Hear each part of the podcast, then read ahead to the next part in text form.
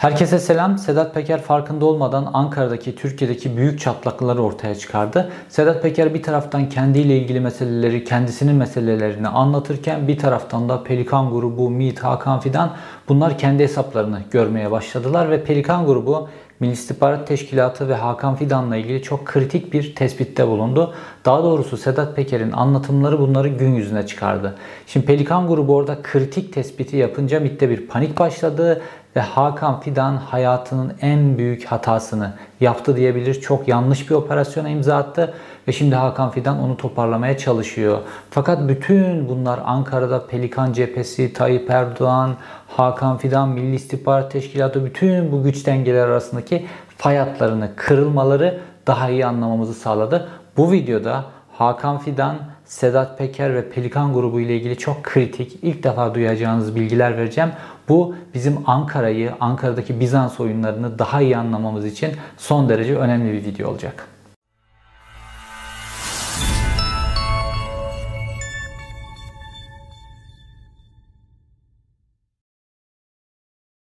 Sedat Peker'in videolarından ve FaceTime görüşmeleri kayıtlarından anlıyoruz ki Pelikan grubunun Sedat Peker'e iletmek istediği bir mesaj var. Çünkü Pelikan grubunun Milli İstihbarat Teşkilatı Hakan Fidan ve Sedat Peker arasındaki ilişkiyle ilgili bir tezi var. Pelikan grubunun. Şimdi bu teze geleceğiz. Fakat önce Sedat Peker'in birinci videosunun arkasına gitmemiz lazım. Şimdi Sedat Peker'in Karadağ'da yayınladığı videolarla Dubai'de yayınladığı videolar arasında uçurum var. Sedat Peker ilk videoyu yayınladıktan sonra herkes bunu analiz etmeye çalıştı ve herkes bunu kendisine göre kullanmaya çalıştı. Tayyip Erdoğan Süleyman Soylu'yu yemek için süper fırsat diye düşündü. Hakan Fidan bütün rakiplerini yemek için süper fırsat diye düşündü. Fakat Pelikan grubunda bir panik başladı. Çünkü esas dayağı yiyen kişi Süleyman Soylu ile birlikte Berat Albayrak'tı. Ve Pelikan grubu ilk reaksiyonu yapan ve ilk Sedat Peker'e ulaşmaya çalışan grup oldu. Şimdi Pelikan grubunun tezi ne? Şimdi bir iki video önce anlattım ben size. Sedat Peker'in bu videolarıyla yıpranan kişiler var ve bunlara baktığımızda Tayyip Erdoğan sonrası adaylar olduklarını da görüyoruz. Ortak kesim kümelerinden birisi de bu. Şimdi Tayyip Erdoğan sonrası 4 tane aday var. Ankara'da bildiğimiz, konuşulan. Bunlardan birisi Berat Albayrak, diğeri Süleyman Soylu, diğeri Hakan Fidan, diğeri Hulusi Akar. Şimdi Sedat Peker'in anlatımlarında özellikle Süleyman Soylu ve Berat Albayrak ve tabii ki Tayyip Erdoğan inanılmaz derecede yıpranıyor. Yıpranmayan bir kişi var. Hakan Fidan. Hakan Fidan'ın önü otoban gibi açılıyor Sedat Peker konuştukça demiştim. Şimdi bir konuda normal düz e, strateji geliştirenler bu iş kime yarıyor diye bakıldığında işte kime yarıyorla kime yarıyor fikrinde karşımıza çıkanlardan bir tanesi Hakan Fidan. Anlaşılan Pelikan grubu da bunu tespit etmiş. Fakat Hakan Fidan idra, icracı bir makamda. Yani Pelikan grubu diyor ki Hakan Fidan, Sedat Peker'i Dubai'den ya da Balkanlarda bu iş daha kolaydı. Alıp getirmeyerek bir biçimde kendisine Tayyip Erdoğan sonrası potansiyel rakip olanları yıpratıyor. İşini yapmayarak bir. İkincisi bu işe belki Sedat Peker'e enformasyon sağlayarak belki de Sedat Peker'le birlikte çalışarak. Pelikan grubunun böyle bir tezi var. Fakat Sedat Peker'in bu anlatımları Ankara'daki bu fay hatları, Ankara'daki Tayyip Erdoğan dönemi ve Tayyip Erdoğan sonrası dönemle ilgili planlar vesaire bunların hepsinin açığa çıkmasını sağladı. Belki de Sedat Peker'in hiç hesaplayamayacağı biçimde. Fakat videolar ilerledikçe başta olan bu şeylerde şimdi herkes olay bambaşka bir boyuta gitti. Tayyip Erdoğan hesaplarını yenilemek zorunda kaldı. Hakan Fidan yenilemek zorunda kaldı. Pelikan grubu yenilemek zorunda kaldı. Fakat birinci videonun sonuna geldiğimizde birinci videodan sonra Fatih Tezcan Sedat Peker arıyor. Fatih Tezcan kim? İşte bildiğimiz AKP'li troll gazeteci ve Fatih Tezcan Pelikan grubunun ulağı olarak, temsilcisi olarak Sedat Peker'i arıyor ve diyor ki Süheyb Öğüt seninle görüşmek istiyor. Süheyb Öğüt kim? Ee, Pelikan grubunun lideri. Şimdi Pelikan grubu dediğimiz grup Albayrak kardeşler. Yani Berat Albayrak ve Serhat Albayrak kardeşin kontrolündeki grup. İşte troll ağı var, medya ağları var, ekonomik güçleri var, lobi güçleri var vesaire böyle bir grup. Ve Pelikan grubunun yıpranması demek ve Pelikan grubunun hizmeti tamamen Berat Albayrak'la ilgili, Serhat Albayrak'la ilgili bir konu. Şimdi Sedat Peker, Fatih Tezcan'ın e, mesajı şu Sedat Peker'e diyor ki Pelikan grubu senin Hakan Fidan'la bu işi yaptığını düşünüyor. Çünkü bu iş Hakan Fidan'a yarıyor. Fatih Tezcan'ın ilettiği mesaj bu genel olarak. Fakat Sedat Peker bunu anlamıyor nasıl olacağına ilişkin. Tam açmadığı için belki de konuyu. Ve Sedat Peker Serdar Ekşi'yi arıyor. Serdar Ekşi'nin e, kaydı 8. videodan sonra yayınlandı ama anladığımız 2. videodan ya da 1. videodan sonra yapılmış bir konuşma. Ve Serdar Ekşi'ye diyor ki ya diyor e, Fatih Tezcan beni aradı. Bu MIT ile ilgili falan bir şeyler söyledi. Süheyb Öğüt bu konuda ne düşünüyor tam olarak? Onu bir ara bana dön diyor. Muhtemelen arıyor dönüyor ama döndüğü kaydı henüz Sedat Peker yayınlamadı. Şimdi Ankara'da Hakan Fidan'la ilgili bir okuma var son zamanlarda. Bu Pelikan grubunun da okuması. Hakan Fidan'ın Tayyip Erdoğan dahil Tayyip Erdoğan sonrasındaki potansiyel adayları da tek tek tek yıprattığı, çok güçlendiği ve şimdi Sedat Peker hadisesini de bu şekilde kullandığına ilişkin bir teori var.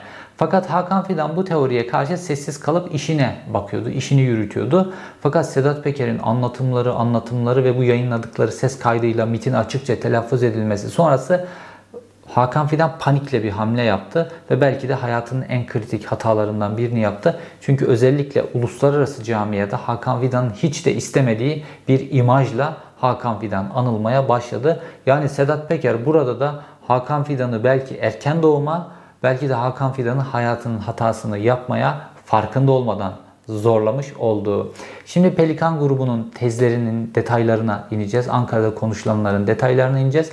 Fakat şu Hakan Fidan'ın dörtlü yıpratma stratejisiyle ilgili önce size birkaç tane kritik bilgi vereceğim.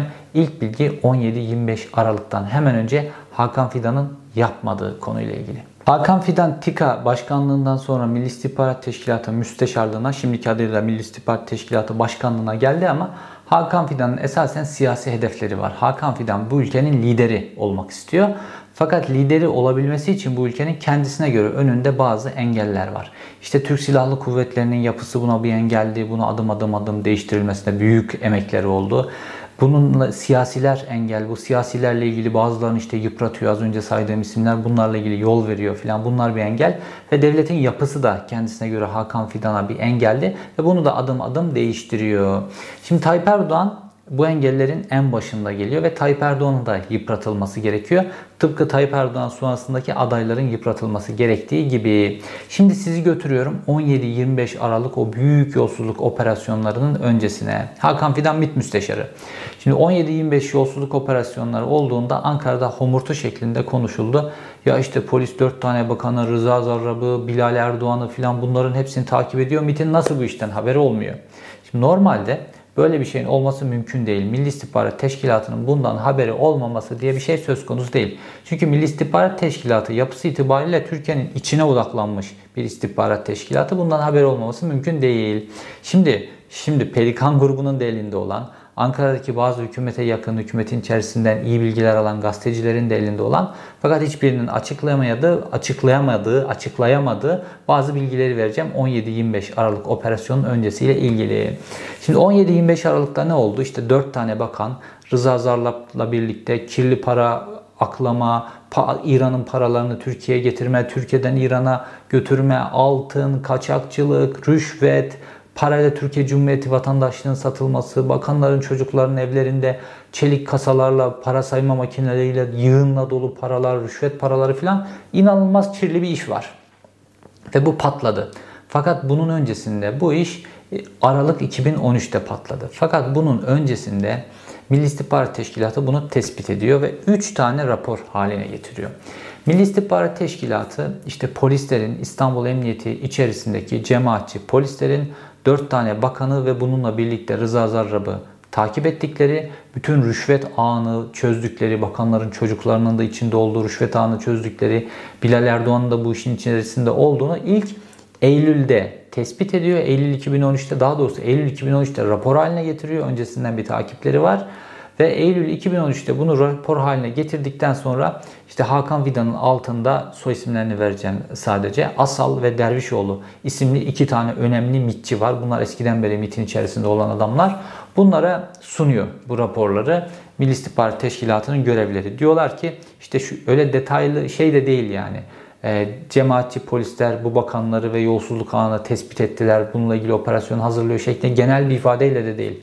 Hangi bakanlar nasıl rüşvet almışlar, polis bunları nasıl tespit etmiş, polisin elinde ne deliller var filan böyle inanılmaz detaylı. Yani bütün operasyonu aslında savcılık operasyonunu deşifre eden bir rapor haline geliyorlar ki savcılık operasyonunu böyle deşifre etmek suç olduğu için Milli İstihbarat Teşkilatı bunu o kendi kriptolu yazılama sistemi içerisinde değil bilgi notu şeklinde hazırlayıp bir üstüne veriyor e, çalışma grubu. Onlar da ta Hakan Fidan'a kadar götürüyorlar. Şimdi ilk rapor Eylül 2013'te. ikinci rapor Ekim 2013'te. Üçüncü rapor 5 Aralık 2013'te. 3 tane rapor geliyor ve her raporda daha kapsamlı. Polis neleri tespit etti, polis kimleri dinledi, polis nelerin video kaydını aldı, bakanlarla ilgili yolsuzluklar filan bütün bunları yani 17-25'te patlayan ne varsa bunun hepsini öncesinde 3 tane rapor haline getirip Milli İstihbarat Teşkilatı'nın görevlileri Hakan Fidan'a veriyor. Hakan Fidan normalde işte Tayyip Erdoğan'ın oraya getirdiği adam filan, Tayyip Erdoğan'ın projesi filan ne beklersiniz? Hakan Fidan koşa koşa götürüp bunları Tayyip Erdoğan'a vermesini beklersiniz değil mi? Yani işte savcılık operasyonunun deşifre olmasını filan umursamaz. Böyle bir adam değil yani böyle hassasiyetleri yok. Ama ne yapıyor Hakan Fidan? 3 raporu da alıp sümenin altına koyuyor. 3 raporu da Tayyip Erdoğan'a götürmüyor. İşte bu olay bize Hakan Fidan'ın kafasının nasıl çalıştığını anlatıyor. Ve şimdi bu bilgi Pelikan grubunun da Ankara'daki AK Parti'nin önemli isimlerinin de elinde olduğu için işte şimdi Sedat Peker'in yaptıklarıyla bu olayı tekrar örtüştürüyorlar. Çünkü Hakan Fidan'ın tarzı bu. Hakan Fidan o 3 raporu neden vermiyor? Çünkü Hakan Fidan Türkiye'nin Putin'i olmak istiyor. 40 yıl Türkiye'yi yönetecek. Putin nasıl istihbarat teşkilatı kökenli olarak geldikten sonra Rusya'nın başına geldi ve Rusya'nın yıllardır lideri. Hakan Fidan da daha genç. Göreve gelirse 40 yıl Türkiye'nin lideri olur. Hakan Fidan tezi bu. Fakat bunu yapması için rakiplerinin yıpranması lazım. Şimdi o günün Türkiye'sinde, 2013'ün Türkiye'sindeki Hakan Fidan'ın rakipleri onun yolunu açmayacak kim var? Cemaat var. Bir. Tayyip Erdoğan var. iki. İkisi de çok güçlü o günün Türkiye'sinde. Hakan Fidan normalde o raporları Tayyip Erdoğan'a verse Tayyip Erdoğan o bakanları hemen görevden alır. Bu yolsuzluk operasyonunu anlamsızlaştırır. Dolayısıyla Tayyip Erdoğan yıpranmaz ve belki de Tayyip Erdoğan çok daha erken ve hızlı hamle yapıp cemaatin bütün kadrolarını İstanbul Emniyetini dağıtır vesaire. Dolayısıyla bir savaş olmaz. Savaş olması ne demek? İki tarafında yıpranması demek. Hakan Fidan o raporları Tayyip Erdoğan'a vermeyerek bu savaşın çıkmasına yol veriyor. Hakan Fidan yol verir her konuda böyle. Yol veriyor ve o savaş çıkıyor. İşte 17-25 Aralık operasyonlar oluyor. Ondan sonra Tayyip Erdoğan cemaatin üzerine gidiyor. Evet cemaatin çok büyük gücünü kırdı 17-25 Aralık'tan sonra Tayyip Erdoğan ama Tayyip Erdoğan'ın da ismi hırsıza çıktı. Şimdi AK Partililerle bile konuşsanız 17-25 Aralık'ta işte o Bilal Erdoğan'a paraları sıfırlatması evindeki bakanların çocuklarının evlerinden çıkan para sayma makineleri, 8 tane bir bakanın çocuğunun evindeki çelik kasa, ağzına kadar para dolu, ayakkabı kutularından fışkıran paralar filan. Yani herkes Tayyip Erdoğan çalıyor ama çalışıyor noktasına gelir en azından. Dolayısıyla Tayyip Erdoğan imajı içeride de dışarıda da inanılmaz derecede yıprandı. Ve Tayyip Erdoğan'ın adı bir biçimde hırsıza çıktı. Tayyip Erdoğan için önemli bir yıpranmaydı. Ve aynı zamanda da bu durumu toparlayabilmek için Tayyip Erdoğan Hakan Fidan'a daha da muhtaç hale geldi. Fakat bu savaşa yol verdi. Aynı zamanda cemaatte Tayyip cemaat zaten gücünü çok büyük oranda kaybetti. Tayyip Erdoğan da imajında çok ciddi sarsılma oldu. Fakat Hakan Fidan temiz adam olarak orada kendini korudu. Ee, hükümet medyasında birkaç tane ya Metin bu konudan nasıl haber olmaz eleştirisi çıksa da onları hemen ustaca Hakan Fidan bastırmasını bildi. Şimdi gelelim bir başka olaya. Aynısı neredeyse. Bütün bu bilgiler işte Pelikan grubu dahil Ankara'daki hemen herkesin elinde var ama kimse konuşmuyor. Heysem Topalcı olayı. Şimdi Heysem Topalcı olayıyla ilgili ben bir video yaptım. Heysem Topalcı şüpheli bir biçimde e, hayatını kaybetti. Bir trafik kazasıyla, aynı susurluk vari bir trafik kazasıyla. Bunu ilk ben yazmıştım, ortaya çıkarmıştım. Bununla ilgili videomu izleyin. Çok önemli bir video bence. Suriye meselesini de anlamak için, Türkiye'deki silah meselesini de anlayabilmek için. Şimdi Heysem Topalcı kim? Suriye'ye Türkiye'den silah kaçıran Suriye kökenli birisi tüccar aslına bakarsanız. Bu süreçte inanılmaz büyüyor.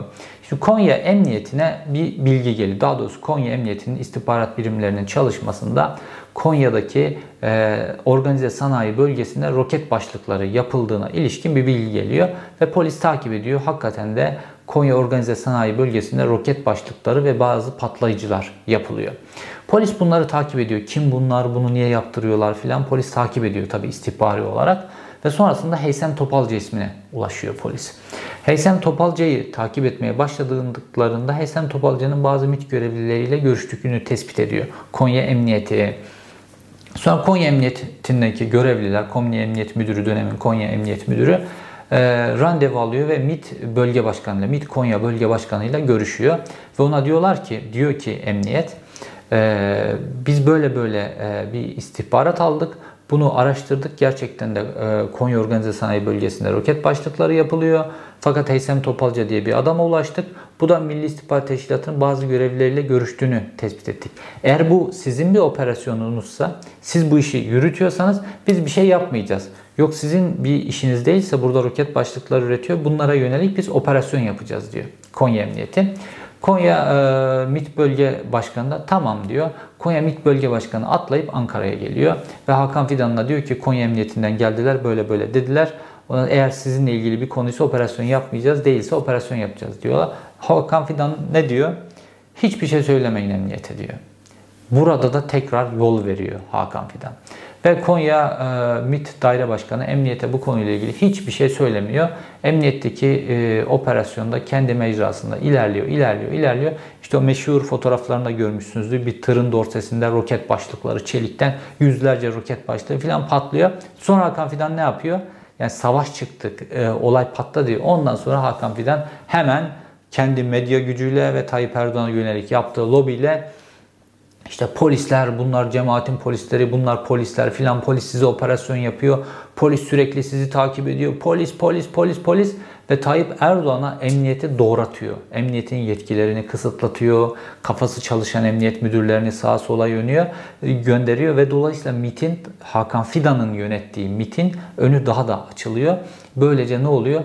Hakan Fidan devlet içerisindeki devletin kurumlarından birisini de yıpratarak kendi önünü daha da açıyor. Şimdi bu bilgilerin hepsi Hakan Fidan'ın neyini gösteriyor? Hakan Fidan yol vererek savaş çıkmasına müsaade ederek ve sonradan onun sonuçlarından faydalanarak potansiyel rakiplerini bu devletin bir kurumu olabilir, bu bir siyasi olabilir. Bunların hepsini yıpratıyor. Şimdi dolayısıyla da Pelikan grubu diyor ki Hakan Fidan'ın görevi Milli İstihbarat Teşkilatı Başkanı olarak Sedat Peker'i Balkanlardan ya da e, e, Dubai'den alıp getirmekti. Balkanlardan getirmek kolaydı. Bunu yapmadı Hakan Fidan. Çünkü Sedat Peker'e yol veriyor. Şimdi Dubai'den de alıp getirmiyor ya da başına bir iş getirmiyor. Çünkü buna yol veriyor. Neden? Sedat Peker anlatımlarıyla Tayyip Erdoğan'da ve Tayyip Erdoğan sonrası potansiyel adayların hepsini tek tek yıpratıyor. Şimdi Pelikan grubu bunu bir biçimde sızdırınca hem e, Sedat Peker'e hem de bu yolla kamuoyuna bir biçimde sızdırınca aynı zamanda bu Hakan Fidan içinde bir gözdağı e, oldu. Ve Hakan Fidan bu sefer gerçekten Ankara'da kendisine karşı Pelikan grubunun da içinde olduğu bu sefer bir hamle yapılacağından dolayı paniğe kapıldı ve imajını toparlamak için bir operasyon yaptı. Nerede? Kırgızistan'da fakat alelacele yapılmış operasyon Hakan Fidan'ın hiç de ummadığı sonuçları doğurdu. Pelikan grubunun medya gücüyle kendi üzerine geleceğini, niye Sedat Peker alıp getirmiyor vesaire bunun üzerinden giderek Sedat Peker ile Hakan Fidan arasında bir bağ kuracağını ve bunu da Tayyip Erdoğan tarafından kendisine fatura edileceğini gören Hakan Fidan hemen alelacele bir operasyona girişti. Ne yapması lazım? Madem Sedat Peker'i getirmiyorum ya da getiremiyorum o zaman başka bir başarılı operasyonla gündeme gelmem lazım ve hızla bir operasyon planlandı ve bir hedef belirlendi. O hedef kim? Orhan İnandı diye bir adam. İşte Kırgızistan'da Gülen cemaatinin okullarında yöneticilik yapmış. Hatta oradaki okulları kurmuş. 1990 yılından beri orada yaşayan bir adam. Bu hedef olarak belirleniyor. Ve hedef olarak belirlendiği andan itibaren çok hızla medyada bir anda Orhan İnandı haberleri çıkmaya başlıyor. Yandaş medyada işte Orhan İnandı şöyle önemli bir adam, böyle önemli bir adam, Kırgızistan'da yaşıyor filan. Böyle köpürtüyorlar Orhan İnandı'yı. Ve o sırada 10 kişilik Milli İstihbarat Teşkilatı timi havalanıyor ve Kırgızistan'a gidiyor. Şimdi Hakan Fidan bu işi normalde çok gizli ve hızlı yapmayı planlamış ama başaramayınca bütün bu detaylar, şimdi anlatacağım bütün detaylar böyle uluslararası medyada çarşaf çarşaf döküldü ve Milli İstihbarat Teşkilatı'nın ne tip işler çevirdiğine ilişkin bir sürü uluslararası medyada haberler çıkıyor. Türkiye'nin bir kurumu inanılmaz derecede, tarihinde olmadığı derecede yıpranıyor.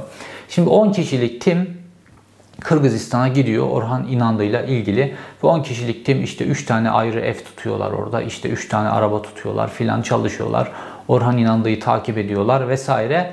Ve en sonunda da bu işi orada bir tane mafya grubuyla anlaşıyorlar ve o mafya grubuna ödemeyi yapıyorlar. Mafya grubuna işi havale edip 10 kişilik ekip dönüyor. Sonra da Türkiye'den bir uçak gidiyor. İşte uçağın flight radar kayıtları var görseniz. Havada dönüyor Orhan İnandı'yı onlar paketlediği zaman mafya grubu. Havada dönüyor filan böyle hareketler yapıyor. Mafya grubu Orhan İnandı'yı arabasının içerisinden bir akşam 31 Mayıs akşamı kaçırdıktan sonra götürüyorlar ve Türkiye Büyükelçiliğine teslim ediyorlar. İşte orada ilk sorgusu yapılacak, fotoğrafları çekilecek. Başka böyle Türkiye'ye getirilenler de oldu ya meşhur elleri kelepçeli fotoğraflar Büyükelçilikte çekilmiş. O propaganda yapılabilmesi için. Sonra da uçağa bindirilecek. Uçak havadayken de fotoğraflar Türk medyasına servis edilecek. Bütün medya havalimanına yığılacak. Hakan Fidan çok başarılı. Operasyon bu şekilde kurgulanmış. Fakat beklenmedik bir şey oluyor ve e, Orhan İnandı kaçırıldıktan sonra ailesi bir terslik olduğunu anlıyor. Polise haber veriyor. Uçağa Orhan İnandı'yı bir biçimde Türkiye Büyükelçiliği birleş yetiştiremiyor. Uçağa bindiremiyor. Orada havalimanı görevlileri o mafya grubuyla anlaştıkları şekilde olmuyor anlaşılan ve Orhan İnandı'yı getiremiyorlar. Olay patladıktan sonra tabii Kırgız medyası olayın üzerine gitti filan olay büyüdü. Neden? Çünkü Orhan İnandı Kırgızistan vatandaşı olmuş. Yani Kırgızistan vatandaşını kaçırıyorsunuz oradan. Herhangi bir Türkiye Cumhuriyeti vatandaşını bir yerden alıp getirmek gibi değil. Hesaplanamayan noktalar var. Şimdi Orhan İnandı böyle getirilemeyince olay dünya medyasında yer almaya başladı. İşte Reuters, AFP filan bu konuyla ilgili haberler yapmaya başladılar. Çünkü ailesi, o okulun öğrencileri filan Türkiye Büyükelçiliği'nin önünde eylem yapıyorlar ve Orhan İnandı bu büyükelçiliğin içinde diyorlar. Şimdi dünyada şöyle bir algı var. Biliyorsunuz işte İstanbul'da e, Cemal Kaşıkçı, Cemal Ahmet Kaşıkçı Suudi Arabistan'ın İstanbul Büyükelçiliğinde tutuldu. Orada işkenceli sorgulandı. Sonra da öldürüldü. Böyle bir algı daha dünyanın hafızasında tazeyken şimdi bir grup insan Türk Büyükelçiliğinin içerisinde bir adam kaçırıldı ve burada işkenceli sorgulanıyor. Türkiye'ye kaçırılacak diye eylem yapıyor. Dünya medyası için önemli bir haber.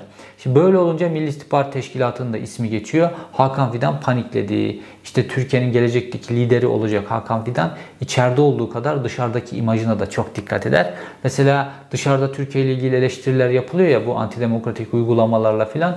Dikkat edin hep Erdoğan, Erdoğan, Erdoğan. Hakan Fidan hiç ortada yok. Halbuki Türkiye'deki birçok antidemokratik uygulamaya Hakan Fidan'ın da imzası var bunlarda ama kendi imajına çok dikkat eder. Fakat olay böyle uluslararası medyada işte Washington Post'ta da filan çıktı. Çünkü 31 e, Mayıs'tan beri devam ediyor. Günlerdir devam eden bir kriz. Bir türlü getiremiyorlar Orhan İnandı'yı. Hakan Fidan hemen tornistan yaptı. Ferhat Ünlü, Sabah gazetesinin yazarı. E, Sabah gazetesinin yazarı ama e, aynı zamanda Hakan Fidan'ın basın müşaviri diyebileceğimiz bir adam. Milli İstihbarat Teşkilatı'nın gönderdiği yazıları yayınlayan bir gazeteci Sabah gazetesinde. Böyle birkaç kişi var Sabah gazetesinde. Ferhat Ünlü bir yazı yayınladı. Ferhat Ünlü diyor ki bu yazıda normalde hani böyle yurt dışından insanlar getirilince işte MIT'in başarısı, MIT'in başarısı filan diye böyle en çok Sabah gazetesi anlatır iken bu sefer Ferhat Ünlü şöyle bir yazı yazdı. Ferhat Ünlü'nün Hakan Fidan'la olan yakınlığını hepimiz biliyoruz. Diyor ki Ferhat Ünlü, e, Orhan İnandı Kırgızistan'da kaçırıldı ama diyor bununla Milli İstihbarat Teşkilatı'nın Türkiye'nin hiçbir alakası yok. Orhan İnandı'yı Kırgızistan İstihbarat Teşkilatı kaçırdı diyor. Ferhat Ünlü'nün tezi bu.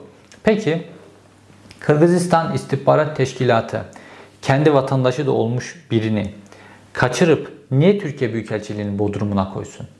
Yani bu, bu kendi kendi e, istihbarat teşkilatının bodrumuna koyar. Bir suç varsa onlara göre orada sorgular. Niye adamı kaçırıp da getirip Türkiye Büyükelçiliği'nin bodrumuna koyuyor? Çünkü orada olayda böyle, olay böyle değil. Olayın içerisinde bir mafya grubu var. Milli İstihbarat Teşkilatı anlaşmış. Fakat Hakan Fidan şimdi muhtemelen Orhan İnandı'nın getirilemeyeceğini düşünüyor.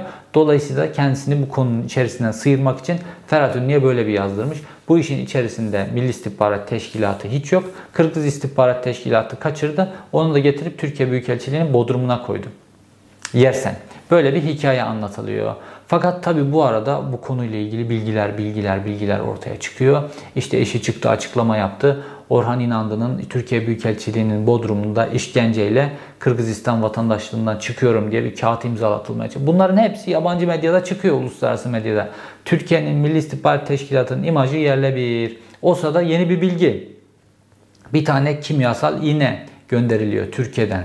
Nereye? Kırgızistan'a. İşte hani böyle vurunca iğneyi ne biliyorsunuz ne biliyorsanız anlatıyorsunuz ya bülbül gibi. E madem adamı getiremiyoruz bilgilerini alalım. O bilgiler üzerinden Hakan Fidan'ı bir şekilde parlatırız. Adama Türkiye'den kimyasal iğne gönderiyorlar Kırgızistan'a. Rezalet. Bunların hepsi uluslararası medyada, yerel medyada bunların bütün bilgileri hani MİT çok gizli yapıyor operasyonları. Hepsi paspas gibi meydanda. Ve ne oluyor? Türkiye bir e, mafya grubuyla çalışıyor. Şimdi enteresan bir tablo var şu an uluslararası. Şimdi insanlar İngilizce bilmiyorlar ya Türkiye'de genel olarak bu haberleri okumuyorlar. Ama dünyadaki tablo şu. Sedat Peker anlatıyor. İçişleri Bakanı mafya ile iç içe. Cumhurbaşkanı mafya ile iç içe. E şimdi Milli İstihbarat Teşkilatı da gidiyor. Bir tane adamı kaçırmak için mafya kiralıyor Kırgızistan'da. O mafya ile iç içe. Öyle bir devlet tablosu var ki İçişleri Bakanı'ndan Milli İstihbarat Teşkilatı'na, Cumhurbaşkanı'na kadar herkes mafyayla iş tutmuş. Cumhurbaşkanı milletvekili dövdürtmüş mafyaya. Süleyman Soylu gitmiş kongre kazanmak için Mehmet Ağar'a karşı mafya kiralamış. Milli İstihbarat Teşkilatı adam kaçırmak için başka bir ülkede mafya kiralamış filan. Böyle enteresan bir tablo. Şimdi hala protestolar devam ediyor. Türkiye Büyükelçiliği'nin etrafında insan zinciri oluşturulmuş. İşte oradan çıkartılmasına müsaade edilmiyor. Bir tane uçak var Türkiye'nin orada bir jeti. Havada anlamsız hareketler yapıyor filan. Onun flight, flight radar kayıtları yayınlanıyor. Rezalet. Ve bunun içerisinden şimdi Hakan Fidan nasıl çıkacak? Yani Hakan Fidan Pelikan grubunun kendisinin üzerine gelmesi nedeniyle panik halde Milli İstihbarat Teşkilatı görevlilerine yaptırdığı bu operasyonla Türkiye Cumhuriyeti'nin bir kurumunu dünyada rezil etti. Neden? Kendi siyasi ikbali için. E, Tayyip Erdoğan kendi siyasi ikbali için Türkiye'yi mahvediyor. Berat Albayrak kendi siyasi ikbali için ekonomiyi mahvediyor. Doları 10 liraya taşıyor. Süleyman Soylu kendi siyasi ikbali için mafya ile iş tutuyor. Hakan Fidan kendi siyasi ikbali için Türkiye'nin bir kurumunu götürüp olmaz bir operasyonun içerisine Kırgızistan gibi bir ülkede sokuyor. Kırgızistan'da dahi rezil oluyor. Hani Amerika'da, İngiltere'de, Avrupa'nın bir ülkesinde böyle güçlü istihbarat teşkilatı olan bir ülkede falan yapsanız da bu duruma gelseniz hadi denir. Kırgızistan'da bu hale sokuyor. Böyle olay çadır tiyatrosuna dönmüş vaziyette. Fakat bütün bunlar e, Sedat Peker'in oluşturduğu kelebek etkisinin yansımaları. Çünkü ortaya ne çıktı? Pelikan grubuyla Hakan Fidan arasında bir gerilim var. Ortada Tayyip Erdoğan sonrasına dönük hesaplar var ve bu hesaplar son dönemde de çok hızlanmış. Ankara'daki özellikle Tayyip Erdoğan'ın sağlığının artık çok kötü olduğu, korsesiz artık yürüyemez hale geldiğine ilişkin bilgiler, bununla ilgili konuşmalar, anlatılar arttıkça işte Süleyman Soylu Nisan ayına yönelik bir hesap yapıyor. Berat Albayrak belli ki kendi ismini unutuyor. Daha ileri bir tarihe bir hesap yapıyor. Belli ki Hakan Fidan da başka bir tarihe dönük hesap yapıyor. Herkes bir hesap içerisinde. Ama anlaşılan Pelikan grubu Hakan Fidan'ı çözmüş. Hakan Fidan'ın hükümeti istihbaratsız bırakarak çok ince bir operasyon yaptığını Pelikan grubu çözmüş ve Hakan Fidan'daki panik de bu yüzden. Şimdi Hakan Fidan aynı zamanda hem Tayyip Erdoğan gibi Tayyip Erdoğan'ı yıpratarak hem Tayyip Erdoğan sonrasının potansiyel adaylarını yıpratarak kendisine yolu otoban gibi yaparken aynı zamanda kendisine karşı direnebilecek devlet kurumlarını da sivil toplumu da bunların hepsinde dizayn ediyor ve yıpratıyor. Şimdi düşünün eskiden Türkiye'nin en önemli kurumu kimdi? Askerlerdi, genel kurmaydı. Şimdi bugünün Türkiye'sine bakın. Genelkurmay Başkanı kim? Genelkurmay Başkanı'nın ismi neydi? Birçok kişi hatırlayamaz bile. Şu an günümüzün Türkiye'sinde genelkurmay değil MİT güçlü.